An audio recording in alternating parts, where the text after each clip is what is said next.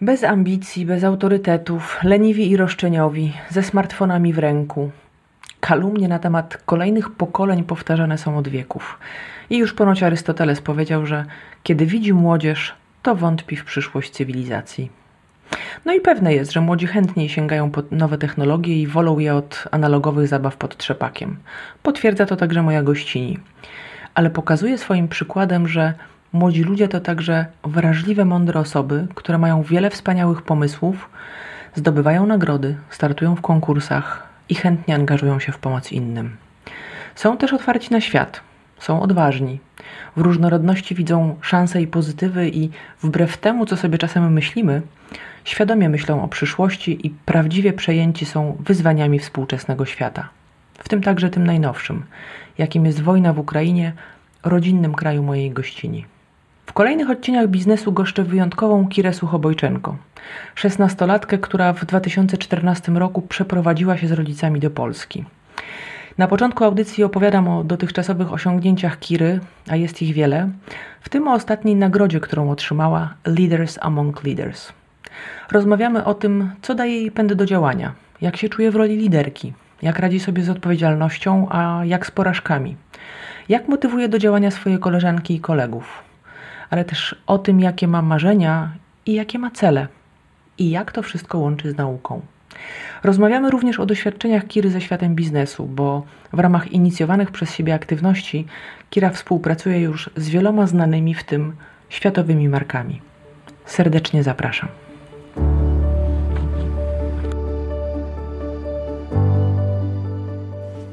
Dzień dobry. Nazywam się Emilia Gawryluk, a Ty słuchasz mojej audycji Odcienie Biznesu. Zapraszam tu liderki i liderów, przedstawicieli firm z różnych branż do rozmowy o tematach, które angażują aktualnie ich czas i uwagę. Rozmawiam o tym, co ich inspiruje, skąd czerpią energię, ale także o tym, jakie rozwiązania wprowadzają, aby ci, którzy stoją za sukcesami ich marek, pracowali z radością i energią. To audycja, w której poruszam temat świadomego i mądrego przywództwa. Dyskutuję tu o roli liderów w organizacjach oraz o wyzwaniach współczesnego świata. Sprawdź, jak różne są odcienie biznesu.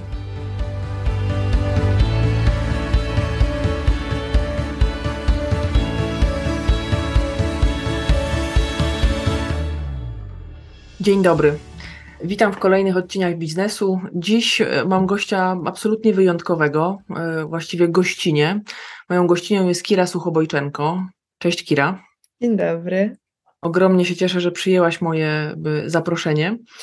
I ja przeczytam, będę się posiłkować kartką, bo biorąc pod uwagę listę Twoich e, aktywności i zasług, jest tego trochę, i żeby nie pomylić, to przygotowałam sobie tu taką kartkę A4 i teraz pozwól, że powiem kilka słów na, na Twój temat. No przede wszystkim y, szesnastolatka, czyli przedstawicielka y, generacji Z, która posiada konto na LinkedInie. Ja przyznam się szczerze, nie znam drugiej tak młodej osoby, która jest tak aktywna na tym profilu, na tym portalu, który jest portalem biznesowym. Założycielka ruchu latających plecaczków. Pomysłodawczyni święta Międzynarodowego Dnia Plecaka. Zwyciężczyni ogólnopolskiego konkursu Dzieciaki Startupy. To chyba od tego się wszystko zaczęło, o ile się nie mylę. Okay. Mówczyni na TEDx Kids y, i to był rok 2019, więc znowu nie tak, y, nie tak dawno. Bohaterka książki Justyny Sucheckiej Young Power 30 historii o tym, jak młodzi zmieniają świat. Zdecydowanie jesteś jedną z tych osób, która ma bezpośredni wpływ na zmiany. Dwukrotnie znalazłaś się w artykule Forbes Women Polska, mistrzynie LinkedIn 25 kobiet, które warto obserwować. Laureatka nagrody imienia Janusza Korczaka, no i teraz organizatorka 10 międzynarodowych konferencji.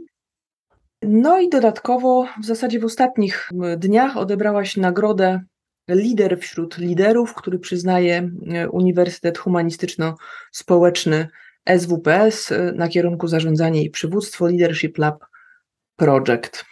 Chciałabym powiedzieć Kira Suchobojczenko, liderka młodego pokolenia. Czy czegoś na tej liście brakuje? Wydaje mi się, że nie, jest przepełniona i chyba wszystko opisałaś. No i wszystkie te rzeczy są, e, wszystkie te rzeczy są prawdziwe. E, ty wiesz, że ja swój podcast, w zasadzie wszystkie te rozmowy są mocno związane z biznesem, ale mam poczucie, że ty też jesteś z tym biznesem związana. mm, pracujesz z dużymi markami, ale do tego jeszcze przejdziemy. Proszę, powiedz, jak ta historia się zaczęła? W ogóle skąd się wziął pomysł na Międzynarodowy Dzień Plecaka? Co było taką iskrą, która zapoczątkowała to wszystko, czym się teraz zajmujesz? No to na samym początku chciałabym jeszcze raz bardzo podziękować za zaproszenie i za to, że dzisiaj będę mogła się trochę podzielić swoim doświadczeniem czy swoimi przemyśleniami. I odpowiadając na pytanie, pomysł powstał jeszcze w dalekim, wydaje mi się, że 2016 roku. Zawsze mam problem z zapamiętaniem tego roku, więc po tylu latach się nadal nie nauczyłam. Ale wziąłem właśnie wtedy udział w takim konkursie Dzieciaki Startupy z ideą latającego plecaka. A w jaki sposób go wymyśliłam? No, po prostu jadąc metrem. Miałam wtedy na sobie ciężki plecak i około 10 lat, prawie 11 wtedy już kończyłam. No i miałam na sobie ten ciężki plecak. Zobaczyłam dziewczynkę z takim ładnym, kolorowym balonikiem, jakie rozdają na Starym Mieście. I nie pamiętam dokładnie, jaki to był kształt, ale to było coś w stylu myszki Miki, SpongeBoba, czy coś takiego. Czyli taki balonik, w środku którego był hel. No i ja pomyślałam, że co by było, gdyby do takiego szkolnego plecaczka włożyć pudełko z helem lub z innym podobnym gazem. W taki sposób wymyśliłam ten latający plecak. Dlatego też latający plecak to jest logo tego całego ruchu. No i dalej ta historia jest naprawdę bardzo długa i mogłabym ją opowiadać nawet godzinami, ale myślę, że tak w jeszcze dużym skrócie, żeby zanim przejdziemy do Dnia Plecaka w ogóle jakoś to połączyć. Wtedy taką nagrodą był rodzinny bilet do Centrum Nauki Kopernik i ja korzystając z jego możliwości, czyli mogłam odwiedzać to centrum codziennie ja, a ze mną jeszcze do trzech osób. Nie wiem, czy byłaś kiedyś w tym. No, oczywiście, że byłam. No to pewnie wiesz, że tam jest bardzo dużo ciekawych atrakcji. Ale też bardzo długie kolejki. Ale też bardzo długie kolejki, a ten bilet dawał mi taką możliwość, że mogłam bez kolejek sobie tam po prostu wejść, jak taka VIP persona, czy coś takiego, więc zaczęłam e, ten bilet też dawać innym osobom, więc takich VIPów się tam pojawiało coraz więcej. Razem chodziliśmy po tym centrum, a że to były też osoby dorosłe, to wiadomo było też, że mają możliwości, o tych możliwościach mówię, bo do tego też dążę. E, no i wtedy mój tata jest też tak hobbystycznie fotografem, więc robił nam fotki za każdym razem, zanim tam wchodziliśmy, a te osoby zaczęły się zbierać, bo wiadomo, to byli na początku znajomi, później znajomi znajomych, znajomi znajomych znajomych, no i tak dalej. A żeby po prostu zebrać ich wszystkich w jednym miejscu, ja byłam też takim cwanym dzieckiem, że tak powiem, bo moi rodzice mi nie pozwalali zakładać żadnych social media, ale dużo o nich mówili, więc jako dziecko tak trochę podsłuchiwałam i wiedziałam, że na Facebooku można stworzyć grupę. Nie wiedziałam jak, ale wiedziałam, że można, więc poprosiłam wtedy, żeby rodzice stworzyli mi taką grupę, zebraliśmy tam te wszystkie osoby, a że wtedy tą grupę trzeba było jakoś nazwać, to nazwaliśmy Międzynarodowy Ruch Latających Plecaczków, no i ta nazwa została do dzisiaj. Logo też jest plecaczkiem, bo jak już powiedziałam, od tego zaczął się pomysł. No i żeby tak już powolutku sobie przychodzić do tego dnia plecaka, te osoby, jak już wcześniej mówiłam, to były osoby dorosłe, młodzież, ale pamiętajmy o tym, że te osoby miały możliwości, więc w pewnym momencie zaczęli mi dawać takie rzeczy jak na przykład bukiet z owoców, czyli jak, nie wiem, jakieś różyczki czy coś takiego, ale można było je zjeść. Mhm. Albo jakieś e, vouchery na masaże czy coś takiego. I ja mhm. wykorzystując to, że oni mi to dają, oczywiście zostawiałam tam coś dla siebie, bo wiadomo, żeby nie było, że jestem taka święta, ale jakby te nagrody dalej podawałam innym poprzez konkursy. Dalej mnie zaczęły wspierać jeszcze większe jakieś e, firmy czy osoby i tak dalej. Zaczęłam organizować konferencje i tak dalej.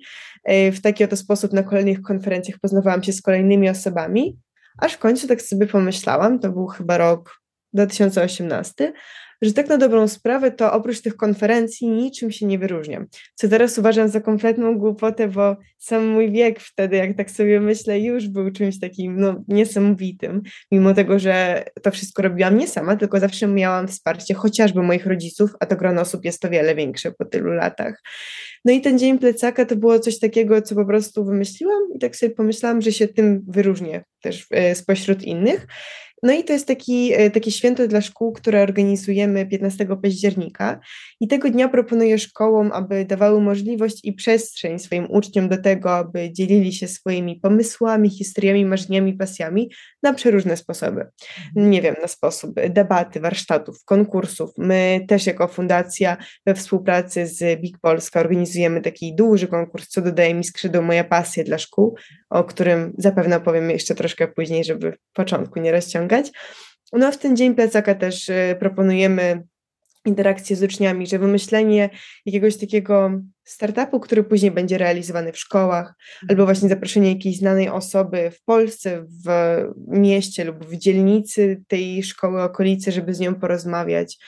E, I jakieś różne takie akcje. To jest przede wszystkim taki dzień gdzie szkoła się bardziej otwiera na uczniów, bo też szkoła ma dużo możliwości, żeby uczniowie mogli się poznać. Na różne sposoby to zależy tak na dobrą sprawę od szkoły. I to nie jest jedyna rzecz, którą zajmuje się fundacja, ale myślę, że jeszcze w trakcie rozmowy pojawią się kolejne. No właśnie, no to powiedz, to po co to wszystko? To znaczy, po, po co te działania? Co chciałabyś tymi działaniami osiągnąć? Dokąd to zmierza?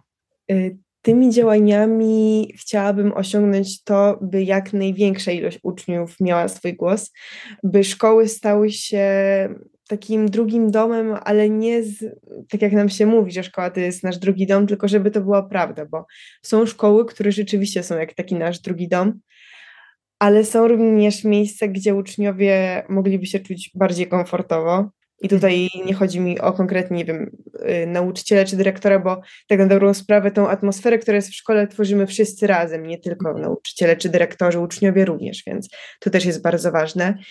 Chciałabym również konkretnie tymi działaniami, o których mówiłam, e, też taką mm, otwartość szkoły na uczniów zrobić, ale też taki fajny i ciekawy dzień dla nich. Też chciałabym e, pokazać im, że nie muszą się ukrywać ze swoimi pasjami, mogą o nich opowiadać e, głośniej, mogą, a co jest najważniejsze, tego dnia e, też robimy nacisk na rozwijanie kompetencji miękkich, bo to jest coś, co w przyszłości się po prostu przydaje, jak chociażby wystąpienia publiczne, których o wiele łatwiej jest się nauczyć, kiedy jest się trochę młodszym i tak wiesz, że kroczek po kroczku, niż kiedy nagle kiedy jesteś dorosły, musisz wyjść na scenę i szybko powiedzieć o jakimś pomyśle.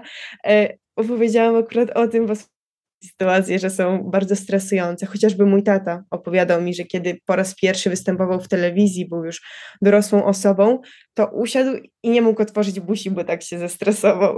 Więc to wbrew pozorom się wydaje no, naprawdę bardzo, bardzo trudne. Ale ogólnie e, brzmi, misja brzmi, e, misja fundacji brzmi Zachęcamy uczniów do opowiadania o swoich pomysłach, aby każdy odkrył swój potencjał.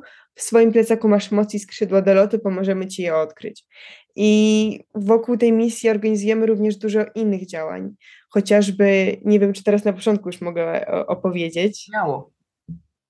Od 24 lutego, czyli odkąd wybuchła wojna w Ukrainie, e, stworzyłam mm, takie centrum adaptacyjno-integracyjne. Ale w jaki sposób? Dotychczas działałam zawsze sama, ale kiedy wybuchła wojna, bo ja też swoją drogą pochodzę z Ukrainy, dokładniej to z Krymu, i się przeprowadzałam tutaj w 2014 roku, kiedy była aneksja Krymu. E, I co najciekawsze, wtedy myślałam, że moi rodzice spełniają moje marzenie gdzieś z dzieciństwa, bo mi obiecali po prostu, że się przeprowadzimy, jak skończę te 8 lat gdzieś za granicę, a później się okazało, że mimo wszystko Jakoś tak fajnie, że to się zgrało tak czasowo, bo to nie było dla mnie takim dużym stresem, chociaż ta historia jest bardzo długa i tam też było dużo stres, takich, wiesz, stresowych e, sytuacji, ale to nie jest kontekst polityczny, z którego być może wtedy nie zdawałaś sobie sprawy, ale twoi rodzice na pewno, e, e, to, to trudno, żeby on nie, nie nakładał pewnego rodzaju stresu i, i, i napięcia, bo ten 2014 to cały świat też obserwował to, co się dzieje na na, na, na, na Krymie. Mm, dokładnie tak.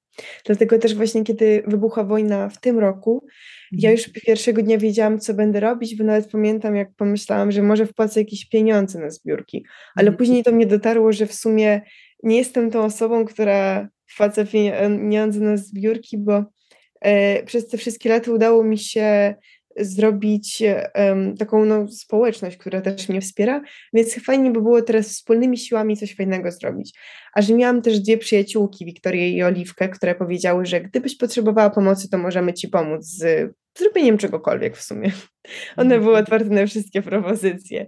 I razem wymyśliłyśmy taki projekt nastolatki nastolatkom. Na początku opierał się na tym, że właśnie uczniowie y, z Ukrainy mieli się poznawać z uczniami z Polski, nawiązywać jakieś relacje i się przyjaźnić, bo na przykład to bardzo mi pomogło i wydaje mi się, że dzięki temu tak się od razu otworzyłam na Polskę, bo jak już mówiłam, mimo stresujących sytuacji, które sama sobie stworzyłam, wyszłam z nich tylko dzięki osobom, które mnie wspierały. A moim jedynym problemem byłam ja sama i moje jedyne problemy wymyślałam sobie sama w głowie. E, I tak na dobrą sprawę później z dziewczynami właśnie zaczęli do nas dołączyć różni wolontariusze i tak dalej. I ten projekt nastolatki nastolatkom, on mm, tak na dobrą sprawę może istnieje, ale już nie aż tak bardzo, bo to zaczęło żyć swoim życiem. Mhm. E, napisałam posta na LinkedInie o tym, że szukam pomieszczenia do jakichś różnych takich e, akcji, wydarzeń i po prostu e, czegoś w ramach fundacji. Odezwało się Orange z takim, taką propozycją, że mogą zaoferować pomieszczenie 420 metrów kwadratowych prawie w centrum Warszawy bezpłatnie. I no, po prostu. Mhm. I wtedy właśnie udało nam się nawiązać tą współpracę. E, teraz stworzyłam tam taki integracyjno-adaptacyjny centrum, a raczej nie ja, nie ja stworzyłam tylko te wszystkie osoby, które tam przez ten cały czas pracowały, a tych osób zapewniam było tyle, że to jest nie do opisania. Na daną chwilę mamy 200 wolontariuszy, e, mhm. z czego takich bardzo, bardzo aktywnych około 30 czy nawet 20, coś takiego, a jak na taką liczbę osób, takich bardzo aktywnych osób, bardzo aktywne mam na myśli, które nawet codziennie mogą się pojawiać, to jest mhm. naprawdę bardzo dużo. I przez ten czas te osoby, my im pomagaliśmy rozwijać ich pasje i to jest właśnie, wracamy znowu do tych pasji. A w jaki sposób? W sposób, że dawaliśmy nawet na przykład środki na realizację ich e, jakiejś kontynuacji pasji, bo to są osoby, które przeprowadziły się z Ukrainy właśnie do Polski teraz już e, po wojnie. Stworzyliśmy jakieś większe projekty jak Świadomość Zbiorowa, gdzie pani malarka e, Lila zrobiła, to, to tak na, dobrą, na dobrą sprawę ona koordynuje ten projekt, ale ten projekt polega właśnie na narysowaniu um, obrazów e, właśnie bez twarzy, bo to ma pokazywać, że wszyscy jesteśmy różni, ale jednak tacy sami, ale to już nie będę o tym opowiadać. Organizowaliśmy też jakieś wyjścia, żeby też się czuli jak u siebie, do kiny, na konie, spełniając marzenia naszych wolontariuszy, bo to oni nam odpowiadali, gdzie chcieliby pójść, na jakieś kręgle, czy nawet do parków narodowych, nawet do restauracji. A ci wolontariusze, oni zaczęli realizować na przykład swoje jakieś warsztaty u nas w fundacji, opowiadać e, o, na przykład o historii, o jakimś rysowaniu i tak dalej. Nawet jakaś akrobatyka i tak dalej, więc to się też tak bardzo mocno, fundacja też się tym zajmuje, że zarówno pasjami, uczniami, szkołami, ale też właśnie y, osobami z Ukrainy, tym centrum integracyjno-adaptacyjnym. No i to wszystko udało się zbudować przez te właśnie wszystkie lata. Więc w zasadzie trochę mam takie poczucie, miałabym ochotę powiedzieć, y, że ten biznes się po prostu rozwija, no bo była fundacja, natomiast tą siłą Twojej energii, y, Twojej siły przebicia, Twojego konta na LinkedInie, no bo to nie jest jedyna rzecz, o którą poprosiłaś na LinkedInie. W zasadzie bardzo często pojawiają się różne mm, informacje pod tytułem y, mam jakieś wyzwanie, a może ktoś mógłby mi coś podpowiedzieć i tak dalej. I ja widzę, jaka masa komentarzy pojawia się pod Twoimi postami. Też jesteś bardzo rozpoznawalną osobą na LinkedInie, co nie jest takie oczywiste, bo właściwie biznesowo większość osób, które znam, mają tam konto, ale ty masz to konto niezwykle e, aktywne, to znaczy dzielisz się tym, co robi i fundacja, mm, i tymi wszystkimi dodatkowymi elementami, które się pojawiają tak ad hocowo gdzieś w, w kontekście tych działań.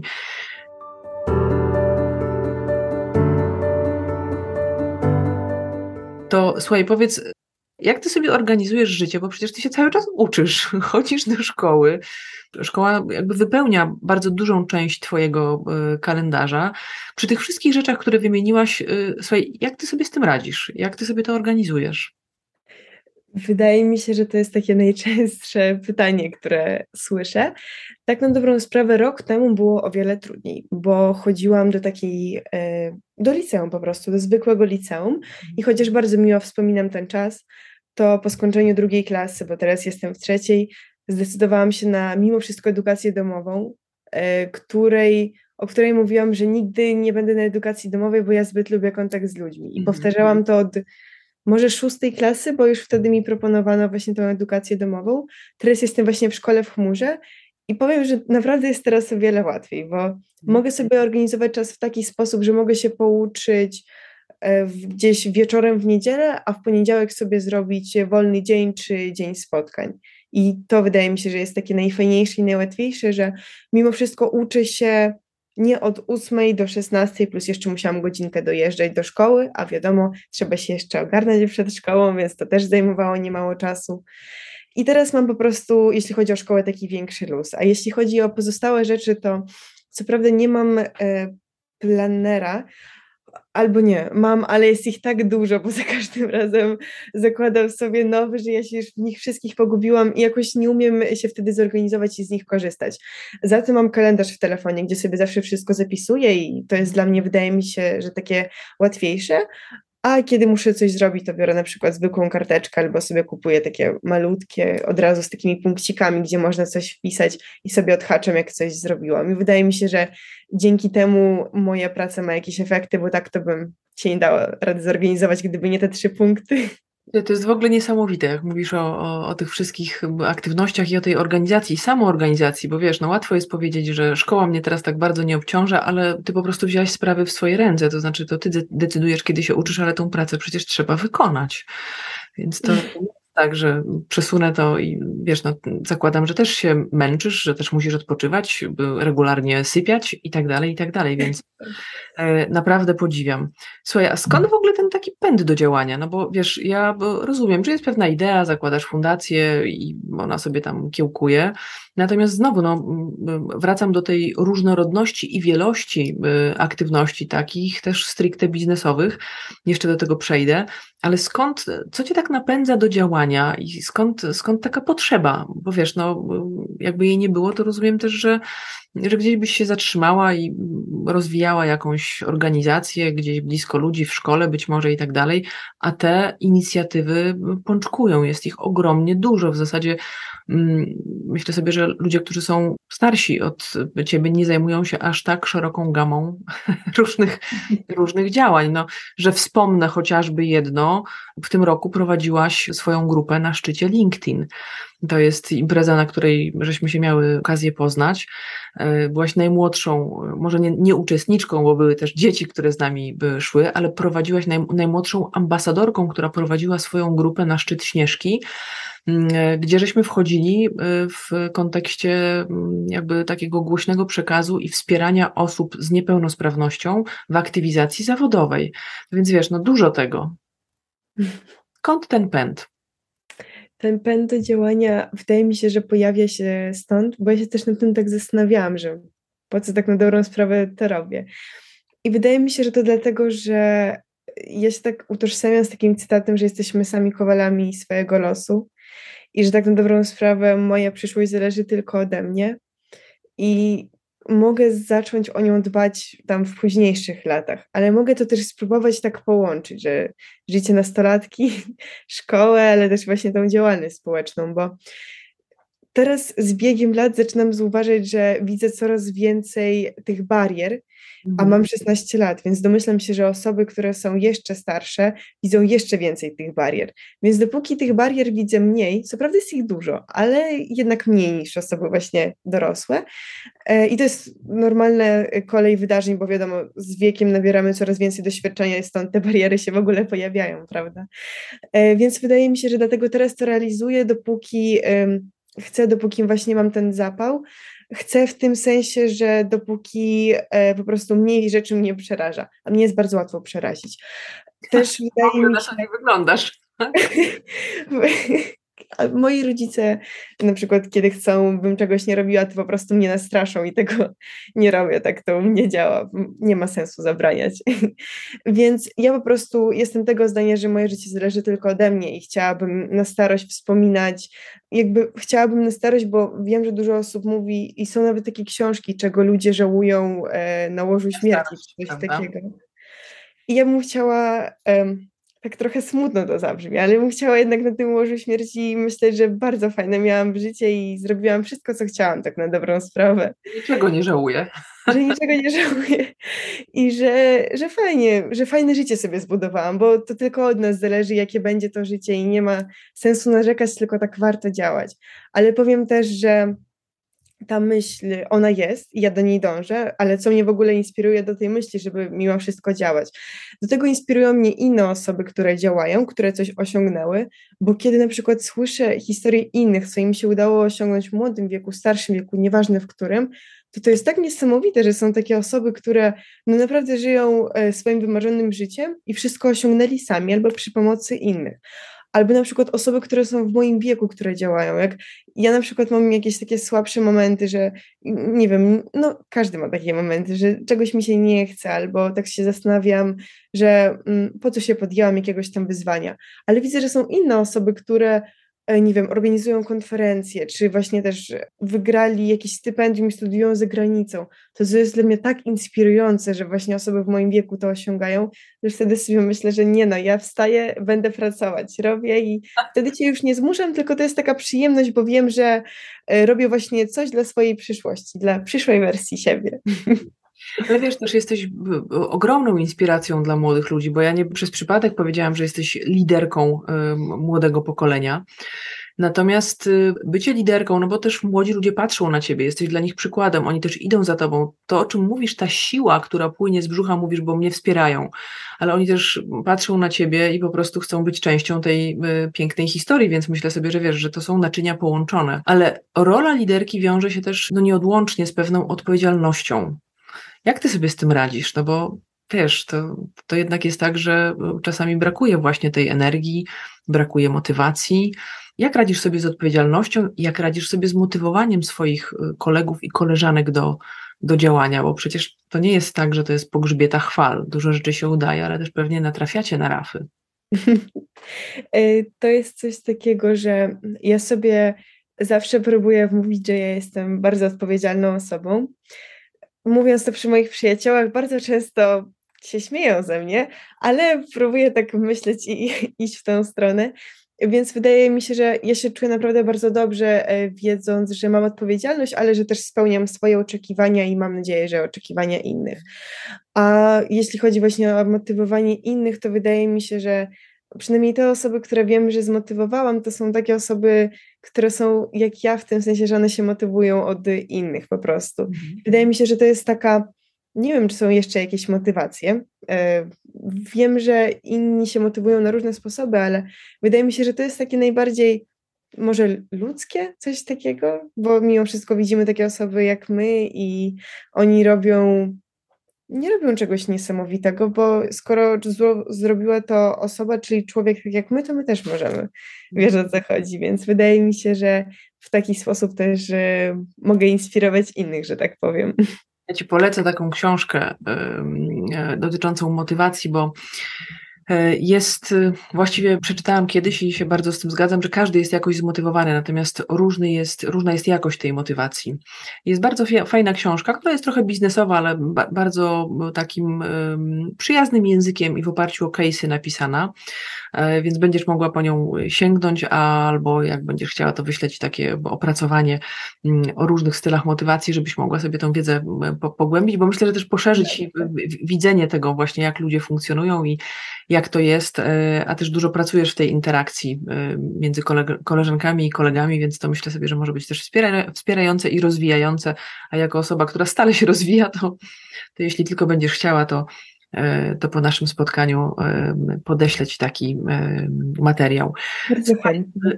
Jak Ty rozumiesz swoją rolę, taką rolę liderki? Co ona dla Ciebie oznacza? Dla mnie, tak na dobrą sprawę, lider liderem jest każdy z nas i o tym mówiłam też podczas właśnie tej gali, o której wspominałaś tam na Uniwersytecie SWPS, bo dostałam tą nagrodę lider wśród liderów, ale mimo wszystko i o tym dyskutuję z różnymi osobami już od naprawdę wielu lat, bo to jest chyba pierwszy z takich tematów, na które lubiłam dyskutować kiedyś tak mocniej, z takich mądrych tematów. O bo e, ja uważam, że każdy z nas jest liderem, tylko w okolicznościach mu sprzyjających, mhm. czasami w gronie osób, które po prostu sprzyjają temu liderstwu. Bo na przykład ja kiedyś byłam taką osobą, że e, wśród, i w sumie nadal mi to zostało, że wśród osób bardzo, bardzo aktywnych, e, ten, to moje liderstwo, ono się gdzieś po prostu zniża, ale jeśli się spotkam z osobami, które są, no wiadomo, trochę mniej aktywne i trochę bardziej spokojne, to ja będę, mm, to ja tam wszystkich zorganizuję, powiem każdego, każdemu, co mają robić i tak dalej, więc to naprawdę bardzo, bardzo mocno zależy, a tych liderów e, to naprawdę znam no naprawdę bardzo dużo i no to jest naprawdę niesamowite, jak różne osoby mogą się zachowywać w różnych sytuacjach, więc dla mnie właśnie to słowo lider, ono jest takie bardzo, no jak już powiedziałam, że każdy z nas jest, ale w sprzyjających mu warunkach. Rozwija skrzydła, kiedy jest ku temu y, przestrzeń. Dokładnie tak. Pięknie tworzysz dla swoich kolegów i koleżanek.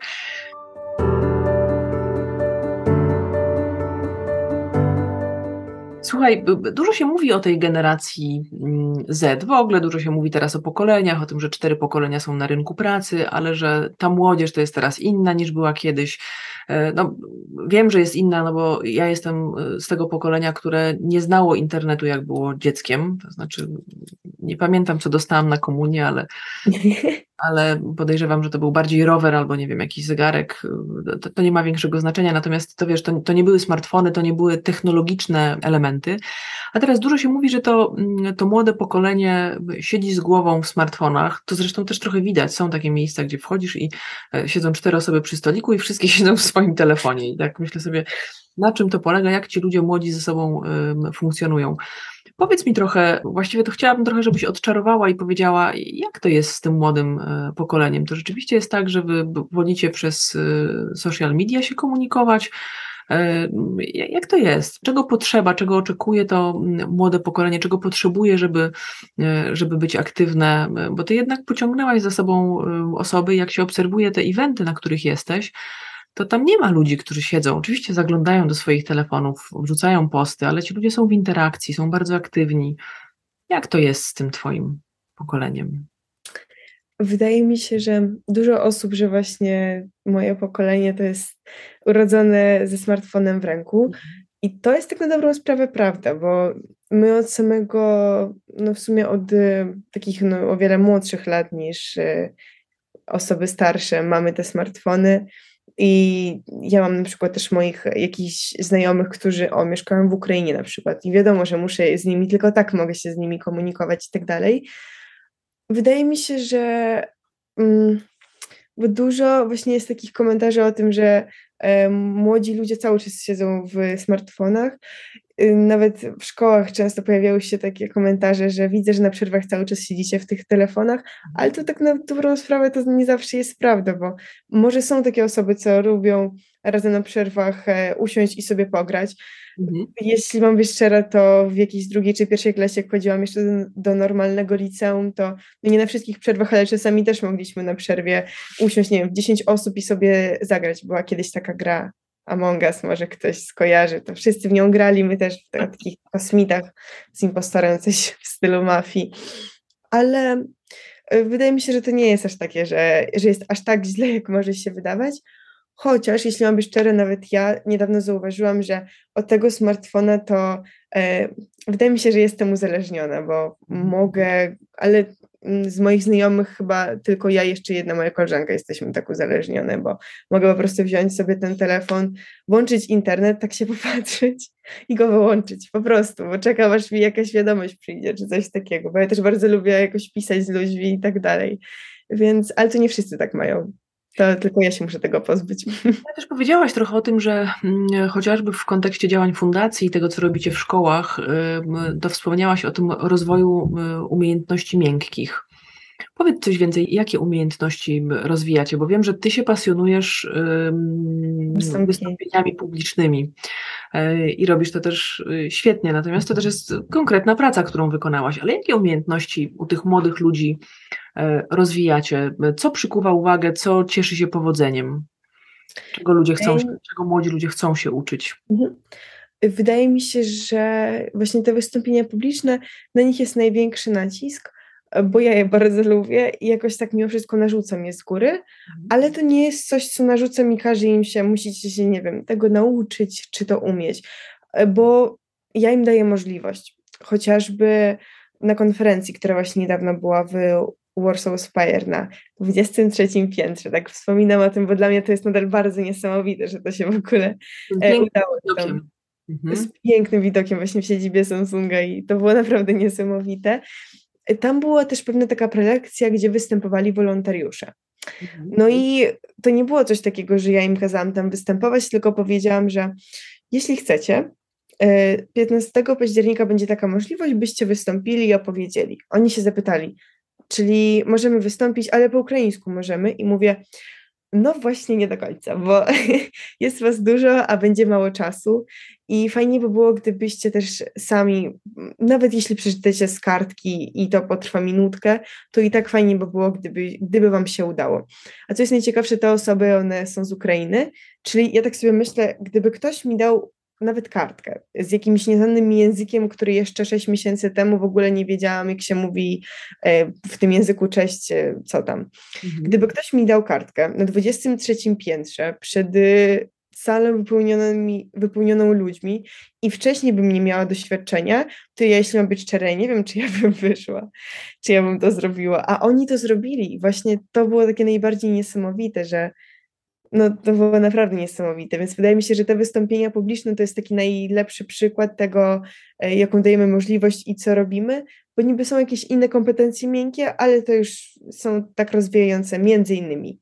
Ale wiesz, no, akurat ta umiejętność przedstawiania się i w ogóle wystąpienia, bo tam oczywiście ta ekspozycja społeczna przed mm, dużą grupą e, ludzi powodowała pewnie tremę i spięcie. Natomiast e, wszyscy musimy mieć tę umiejętność i tego rzeczywiście nie uczą nas w szkole, jak się przedstawić, jak powiedzieć o jakiejś idei. E, I to później jest pewne wyzwanie. No, idziesz na jakąś rozmowę e, i najczęściej to pierwsze pytanie e, to jest takie, to proszę powiedzieć kilka słów o sobie. No, ono dość często pada. I wiesz, ono się wydaje, jak, jak o tym rozmawiamy, no, z kimś takim jak ty, kto często też jest eksponowany w, w różnych mediach. Ty masz za sobą dziesiątki wywiadów i myślę sobie, że nie masz tutaj większej trudności, ale dla młodej osoby, która tego nie doświadcza, no to przede wszystkim jest y, wyzwanie, trema i stres. Mm, no i też trzeba przemyśleć, co ja chcę powiedzieć, co tak naprawdę o sobie y, chcę pokazać.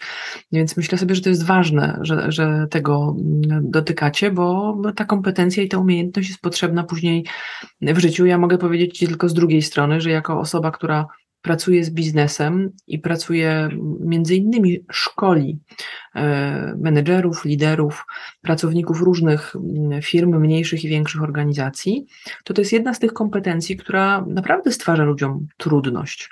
Nawet jak są dojrzali, mają poukładane w głowie, mają różne osiągnięcia za sobą, to wcale nie jest takie proste, żeby wyjść i od tak po prostu na scenie powiedzieć kilka zdań mm, e, od siebie. Mhm. No to y, Powiedz trochę, bo tak się zawahałam, bo mm, jak, jak się przygotowywałam do spotkania z Tobą, to się zastanawiałam, czy to jest jeszcze bardziej, e, czy, czy Ty jesteś bardziej aktywistką, czy bardziej liderką. I jakoś ja Cię widzę bardziej jako liderkę. E, I powiem Ci dlaczego. Dlatego, że mm, wiesz, aktywizm kojarzy mi się z takimi różnymi oddolnymi inicjatywami i zazwyczaj z mm, taką walką o fundusze albo z pracą, która właśnie odbywa się bez funduszy, to znaczy trzeba się zorganizować i trochę tą oddolną inicjatywą pcha się różne, różne rzeczy do przodu. Natomiast ty, mm, mówiąc wprost, jesteś osobą, która ma już doświadczenia ze światem biznesu. E, wspieracie wiele e, dużych marek. Już dzisiaj w naszym, na naszym spotkaniu padł BIK, padł Samsung, padł Orange. Wiesz, to są potężne organizacje. E, to powiedz, jak to jest? E, jak nastolatka dociera do biznesu? jak docieram do biznesu? Wydaje mi się, że taki najłatwiejszy może przykład, który mogę tutaj podać, to jest coś takiego, że rok temu tak sobie pomyślałam, że fajnie by było e, jakoś zacząć współpracować z Fundacją BNP Paribas, czyli zapewne wszyscy kojarzą to takie zielone logo. I tak się zastanawiałam, jak mogę do nich dotrzeć. Więc weszłam na stronę internetową właśnie fundacji. E, tam była taka ikonka kontakt no i napisałam tam dosłownie kilka słówek o Dniu Plecaka, o tym, że chciałabym e, poprosić o wsparcie. E, podczas organizacji tego Dnia Plecaka, podczas organizacji konferencji dałam jakiś temat, wiadomo, mail do siebie. No i w sumie po kilku już miesiącach mieliśmy podpisaną umowę, więc to w sumie y, tak działa i, i to jest właśnie... Ja że to jest bardzo proste, po prostu pisze się na kontakt i, i dzieje się magia. Co prawda łatwo jest zacząć, ale jednak ta współpraca, ona nie jest, ona jest bardzo przyjemna, ale nie zawsze jest łatwa, bo mhm. trzeba pamiętać, że właśnie współpracując z takimi większymi markami, organizacjami, fundacjami, ogólnie biznesem, no to wiadomo, tam są swoje zasady, tam panują swoje zasady i trzeba się ich stosować, jak chociażby umieszczanie loga na różnych publikacjach, co jest bardzo ważne i trzeba to konsultować.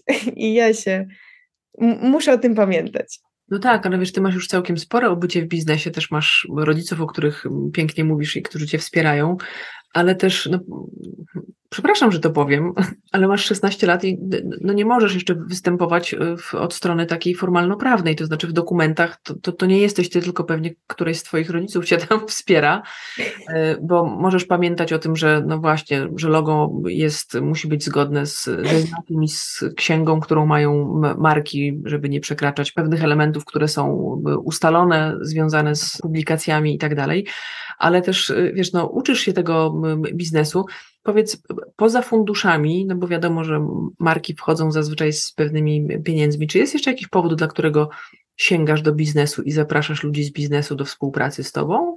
Tak, to jest przede wszystkim to, że no to jest przede wszystkim rozwój fundacji. Mhm. Też e, mając e, kontakty do tych osób, które będąc w tym biznesie i będąc przedstawicielami tak dużych marek, to to są to jest moja kolejna inspiracja swoją drogą. E, to jest też inspirujące, że patrzę też w jaki sposób e, oni pracują, mhm.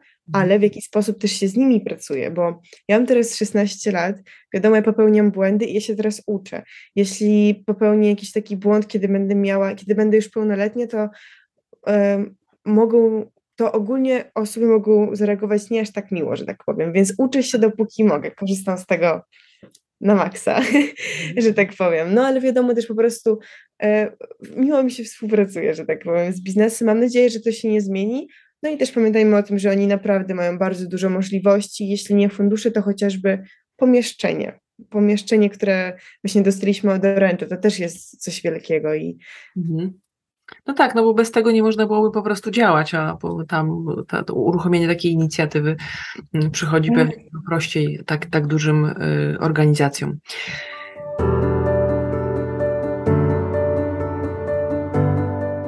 Powiedziałaś kiedyś w jednym z wywiadów, że ten plecak jest symbolem dla ciebie różnorodności. E, bardzo dużo mówi się teraz o tej różnorodności. Firmy mają programy Diversity and Inclusion. E, chciałabym Cię zapytać, czym jest dla Ciebie różnorodność? Różnorodność, oprócz takiej definicji, którą możemy przeczytać w internecie, no to na przykład na przykładzie plecaka, plecaki są różne i są takie różnorodne, jakby nie wiem, chociażby ich funkcje, czy kolory, czy cokolwiek, mhm. ale też ten plecak jest symbolem różnorodności dla mnie, bo plecaczki mają uczniowie na całym świecie wszyscy, a nasz świat jest bardzo ogromny. W każdym państwie panują swoje zasady, swoje języki, swoja kultura, wszystko mhm. inne. Ale ten plecak to jednak jest coś, co nas łączy, bo każdy z nas nosi ten plecak. I nawet jeśli się różni, bo chociażby z tego, co czytałam w Japonii, mają specjalne takie, nie wiem czy skórzane, ale wydaje mi się, że skórzane takie plecaczki. Bardzo słodko wyglądają. Ale mimo wszystko, a my tutaj na kompletnie innym mm, końcu świata nosimy jakieś y, materiałowe plecaki, bo nie ma, wydaje mi się, że takich konkretnych, ale jednak je nosimy i to jest to właśnie ta różnorodność, że jakoś wszyscy się różnimy, ale jednak jesteśmy tacy sami. Mhm. Wiesz, to jest fajna idea, bo też chociażby ten element, o którym e, wspomniałam, e, tego wsparcia i takiego wyraźnego głosu w kontekście aktywizacji osób z niepełnosprawnością i tego, że ty właśnie, szesnastolatka, poprowadziłaś swój zespół. My tam żeśmy dużo rozmawiali o różnorodności, o tym, że ona też po prostu wzbogaca, że ona pokazuje nam inne perspektywy, że, że to, to nie jest tylko kwestia tego, żeby um, uruchamiać od chociażby osoby z niepełnosprawnością do aktywizacji zawodowej, bo one bardzo często chcą, ale też zobaczyć, że dla nas, dla osób pełnosprawnych, y, to jest też ogromna wartość popatrzenia na ten świat też z innej perspektywy i dostrzeżenia różnych możliwości. Y, bardzo to jest fajne. Słuchaj, a co ci sprawia największą radość i satysfakcję? największa radość i satysfakcja to jest dla mnie to, kiedy coś mi się uda.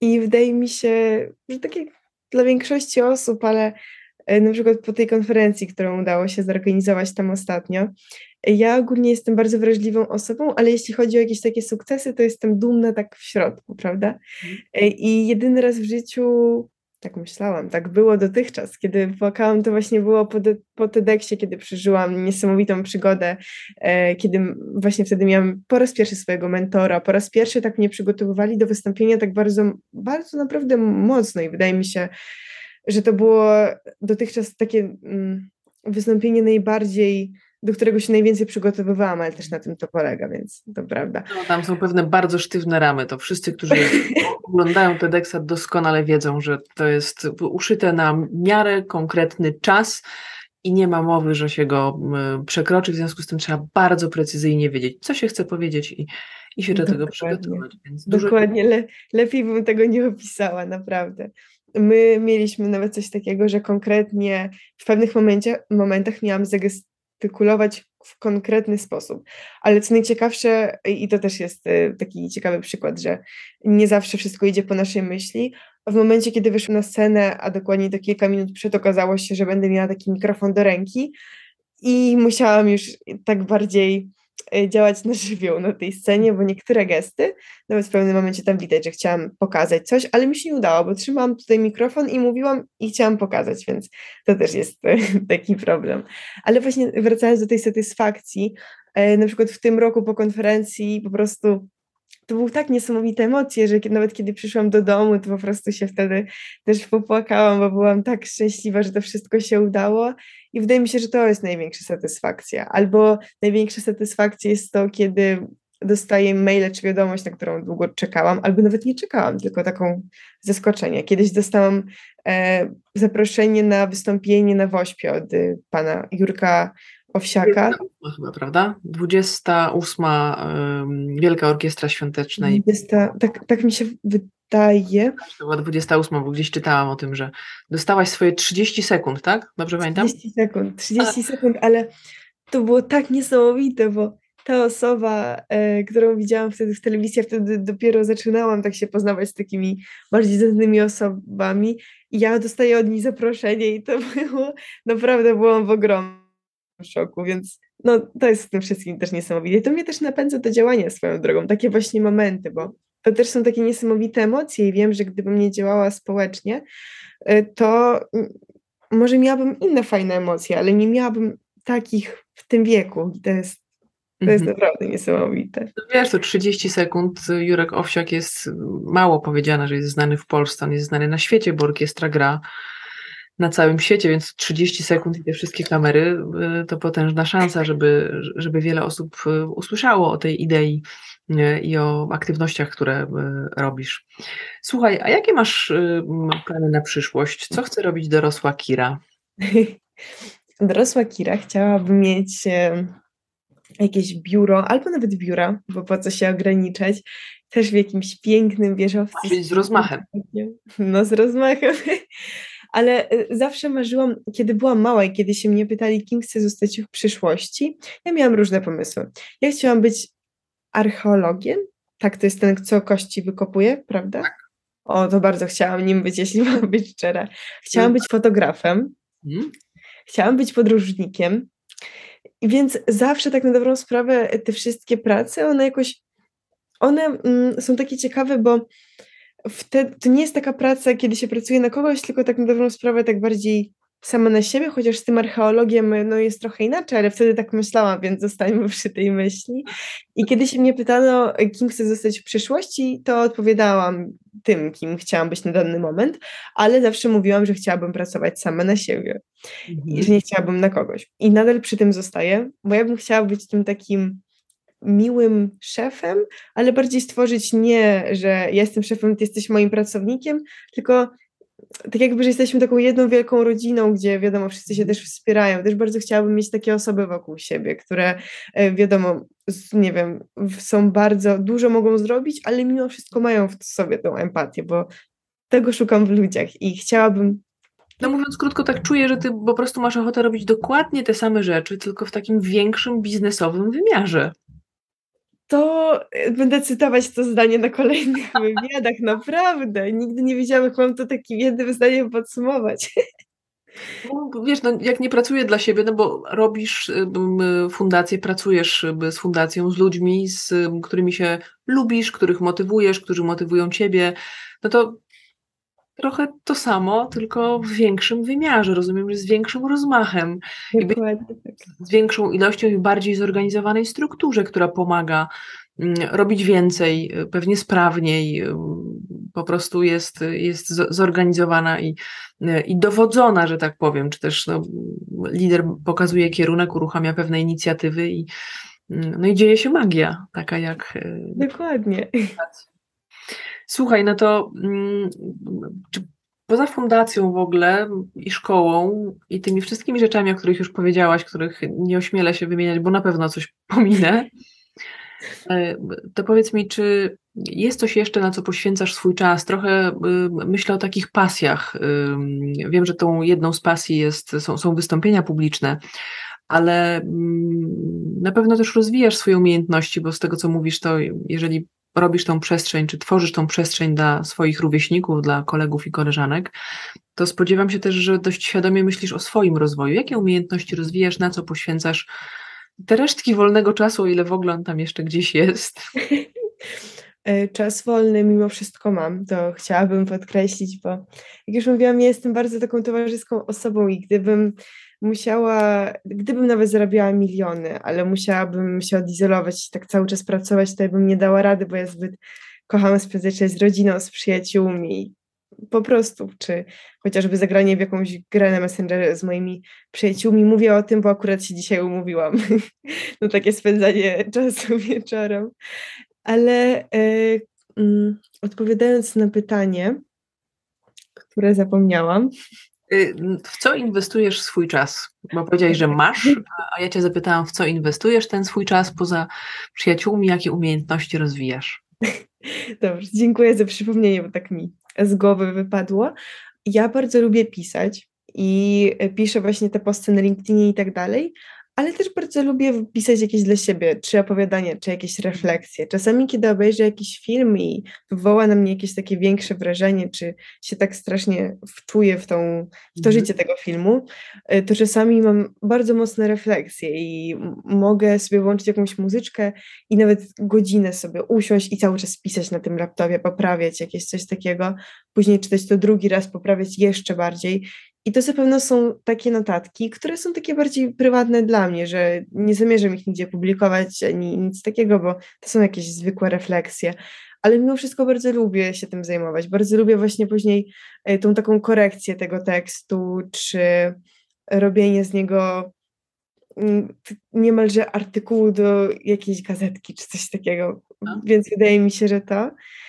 I tak na dobrą sprawę właśnie te wystąpienia publiczne, ta działalność społeczna i, i to pisanie postów, jeśli chodzi o takie rzeczy, praca, że tak powiem, to one tak najbardziej zabierają mi czas. Zabierają, no tak to powiedziałam, ale chodzi mi o to, że na nie najbardziej, najwięcej czasu poświęcam.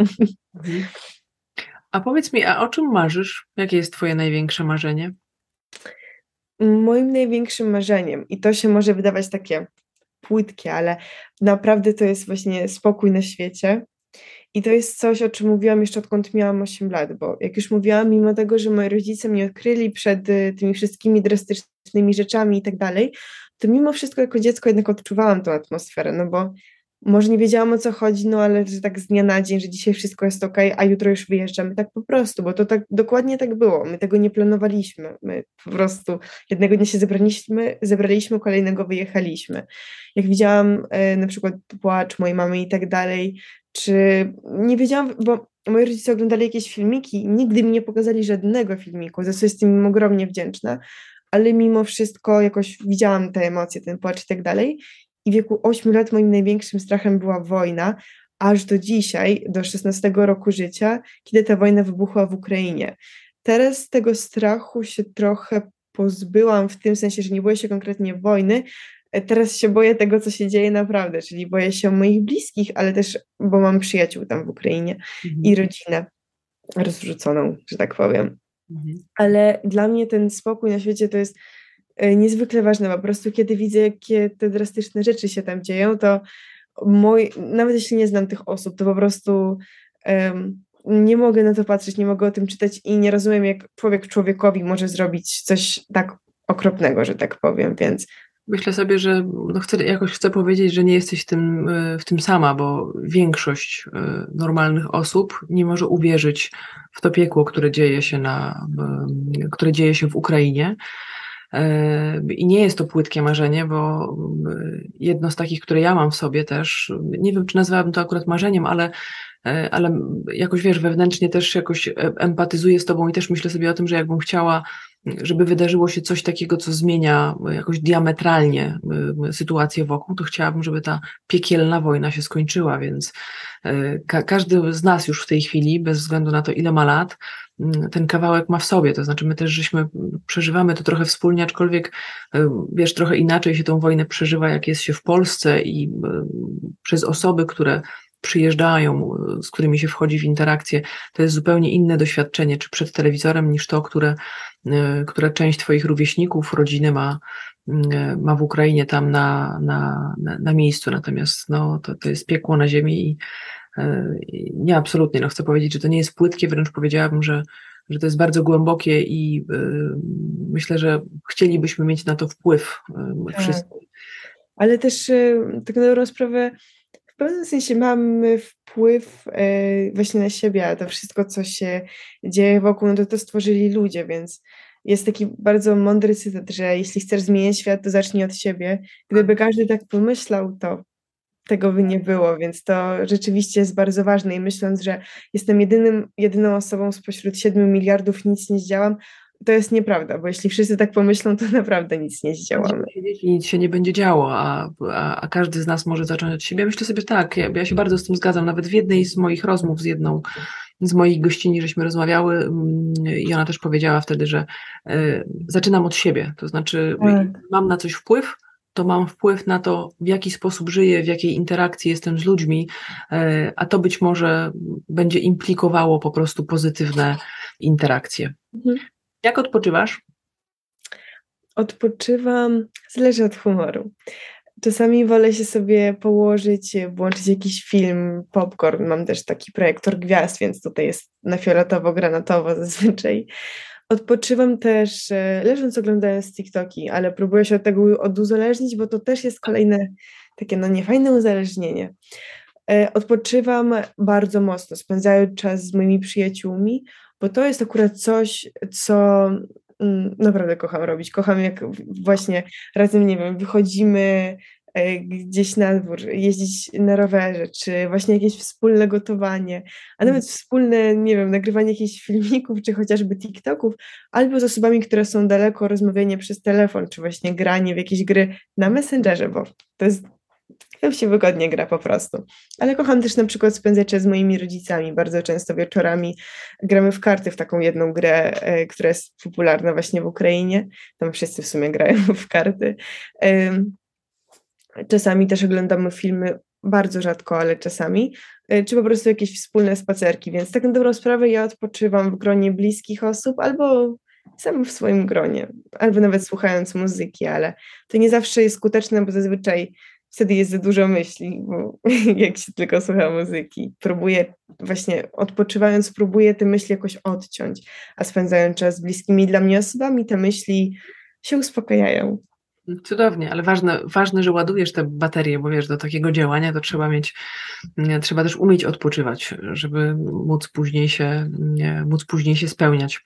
Mhm. Powiedz mi taki nie wiem, zapytam o jeden, ale pewnie to, to nie jest jeden, ale taki najważniejszy cel na najbliższe miesiące, bo jakbym powiedziała lata, to tam się pojawi pewnie bardzo wiele rzeczy, ale na najbliższe miesiące, co jest takim kluczowym celem?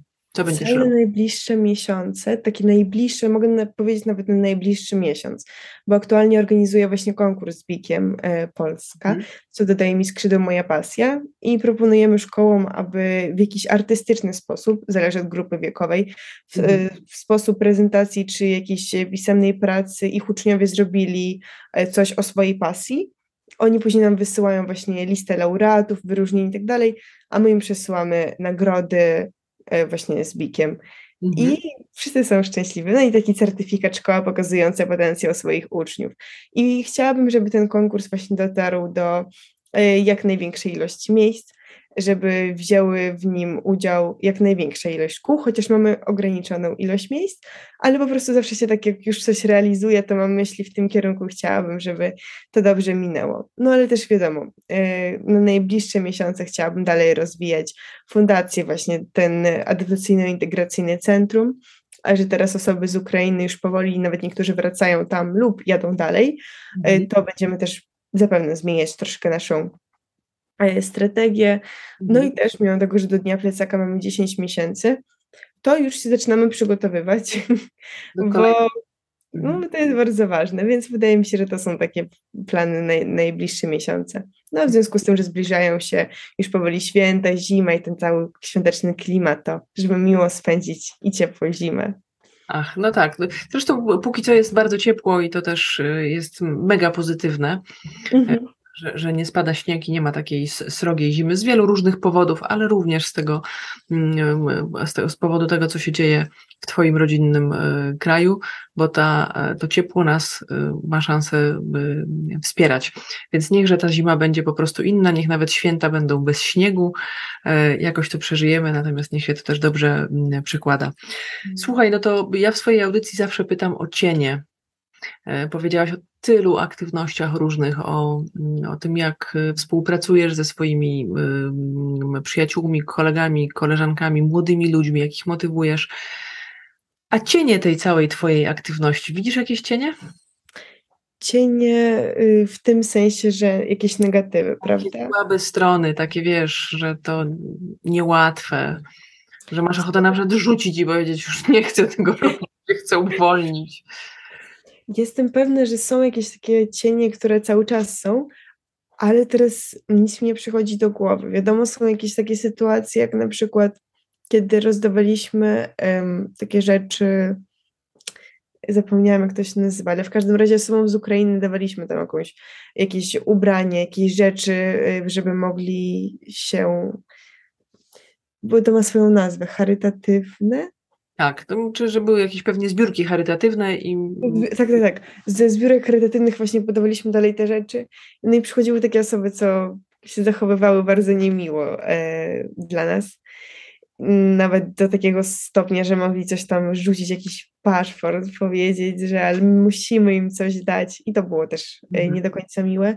W takich momentach się myśli, że no, chcesz pomóc człowiekowi, a jednak tak cię traktują tak z góry i to wtedy nie jest zbyt przyjemne.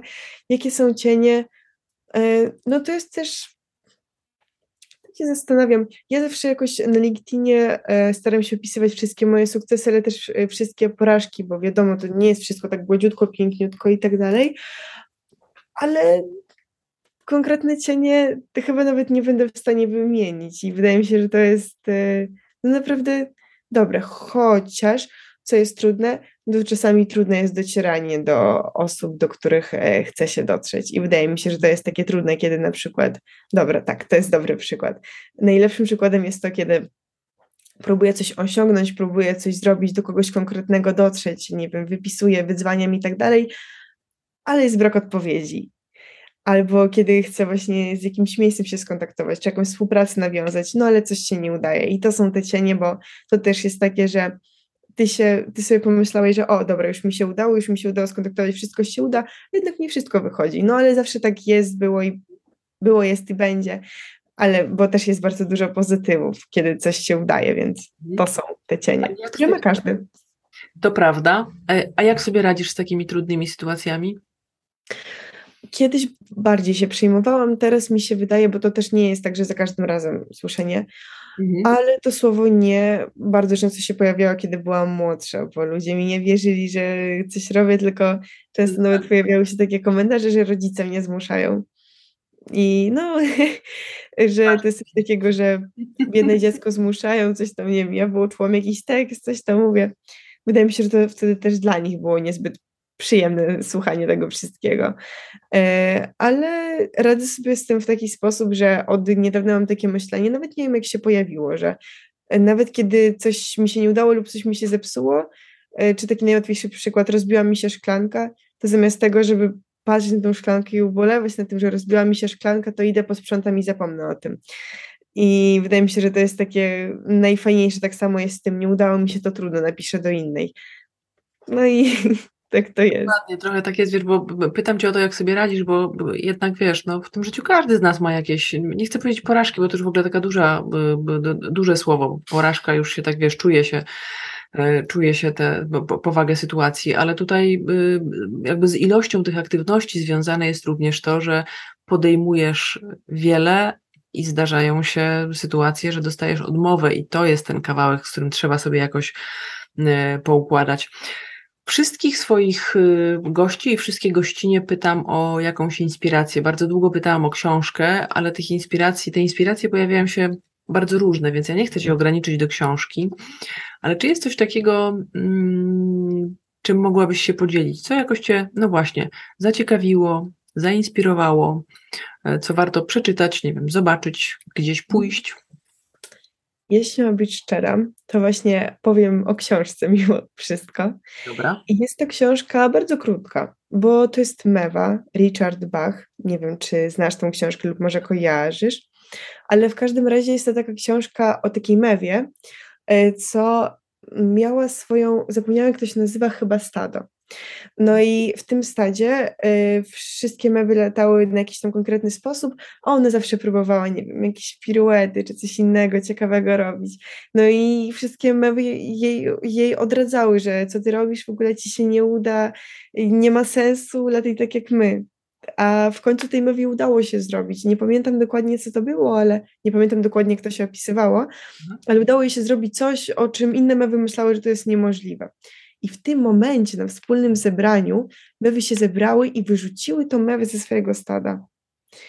I dla mnie to było po prostu tak szokujące wtedy, w sensie właśnie w tym artykule, bo tak się dzieje też e, bardzo często. Na ten temat nawet napisałam oddzielny artykuł, mhm. ale tutaj nie będę się za bardzo rozgadywać, bo chciałabym, żeby inne też osoby to przeczytały. A co się stało z tą mewą? Ta mewa poznała się z innymi mewami. Innymi mewami, które były tak samo pokręcone, że tak powiem, tak jak ta mewa, gdzie, od których nauczyła się o wiele więcej, chociaż kiedyś jej odradzano i mówiono, że i tak nic nie osiągnie, nic jej się nie uda. I to jest w takim dużym skrócie. Ta książka mi otworzyła, bo ja ją czytałam chyba z dwa lata temu lub rok temu. Rok, rok wydaje mi się. Ona mi otworzyła tak bardzo dużo, bardzo oczy mi otworzyła na ten temat. Tak bardzo, że napisałam nawet nie post, a cały artykuł na LinkedIna. Pewnie mhm. gdzieś tam nawet jest. Więc wydaje mi się, że tą książkę chciałabym polecić. Ona naprawdę jest króciutka, a mimo wszystko bardzo fajne refleksje można po niej mieć. Że warto sięgać po szaleństwo i robić rzeczy niestandardowe po to, żeby się spełniać. Trochę tak? Dokładnie. Tak? Dokładnie tak. Kira, to ostatnia rzecz, bo mm, rzeczywiście od cieni biznesu y, y, słuchają ludzie, którzy pracują w biznesie. Czy jako liderka młodego pokolenia masz coś takiego, co chciałabyś y, powiedzieć przedstawicielom biznesu, jako ktoś, kto tak intensywnie działa, kto też buduje ten most między szkołą, fundacją, a naprawdę czasami dużym biznesem? Wydaje mi się, że jako w tej rozmowie przedstawicielka młodego pokolenia chciałabym też podziękować e, wszystkim osobom biznesu, które wspierają młode osoby i które widzą w nich potencjał, a nie tylko osobę, e, co jak się mówi, siedzi po prostu ze smartfonem i nic nie robi, bo to jest naprawdę bardzo motywujące, kiedy właśnie starsze osoby cię wspierają, chcą pomagać, dają jakieś swoje możliwości. I wydaje mi się, że to chciałabym powiedzieć, że po prostu dziękuję i mam nadzieję, że dalej wszyscy razem będziemy zdobywać kolejne szczyty. Ja również mam taką nadzieję i tego Ci ogromnie życzę, e, żebyś się nie zmieniała, żebyś z tym takim szalonym entuzjazmem i energią realizowała swoje najbardziej szalone marzenia e, i żeby towarzyszyło Ci w tym dużo młodych ludzi, e, żeby też czuli i żebyś zarażała ich tą dobrą energią mm, i żeby zarówno ruch, jak i idea święta, które ty chyba masz taką nadzieję, że to święto będzie takim prawdziwym międzynarodowym świętem, e, żeby ono rzeczywiście zostało wpisane oficjalnie do, do, do, do kalendarzy i żeby razem z Tobą działa się magia. Życzę Ci tego z całego serca i myślę sobie, że Ci wszyscy ludzie w biznesie, którzy Cię znają, na ostatnim szczycie było ich chyba ze 200 albo więcej e, osób, mm, e, gorąco Ci kibicują. Ja Ci bardzo dziękuję za dzisiejszą rozmowę. To była dla mnie ogromna przyjemność. Ja również bardzo, bardzo dziękuję za zaproszenie, za rozmowę i bardzo dziękuję wszystkim osobom, które nas dzisiaj słuchały. Dziękuję.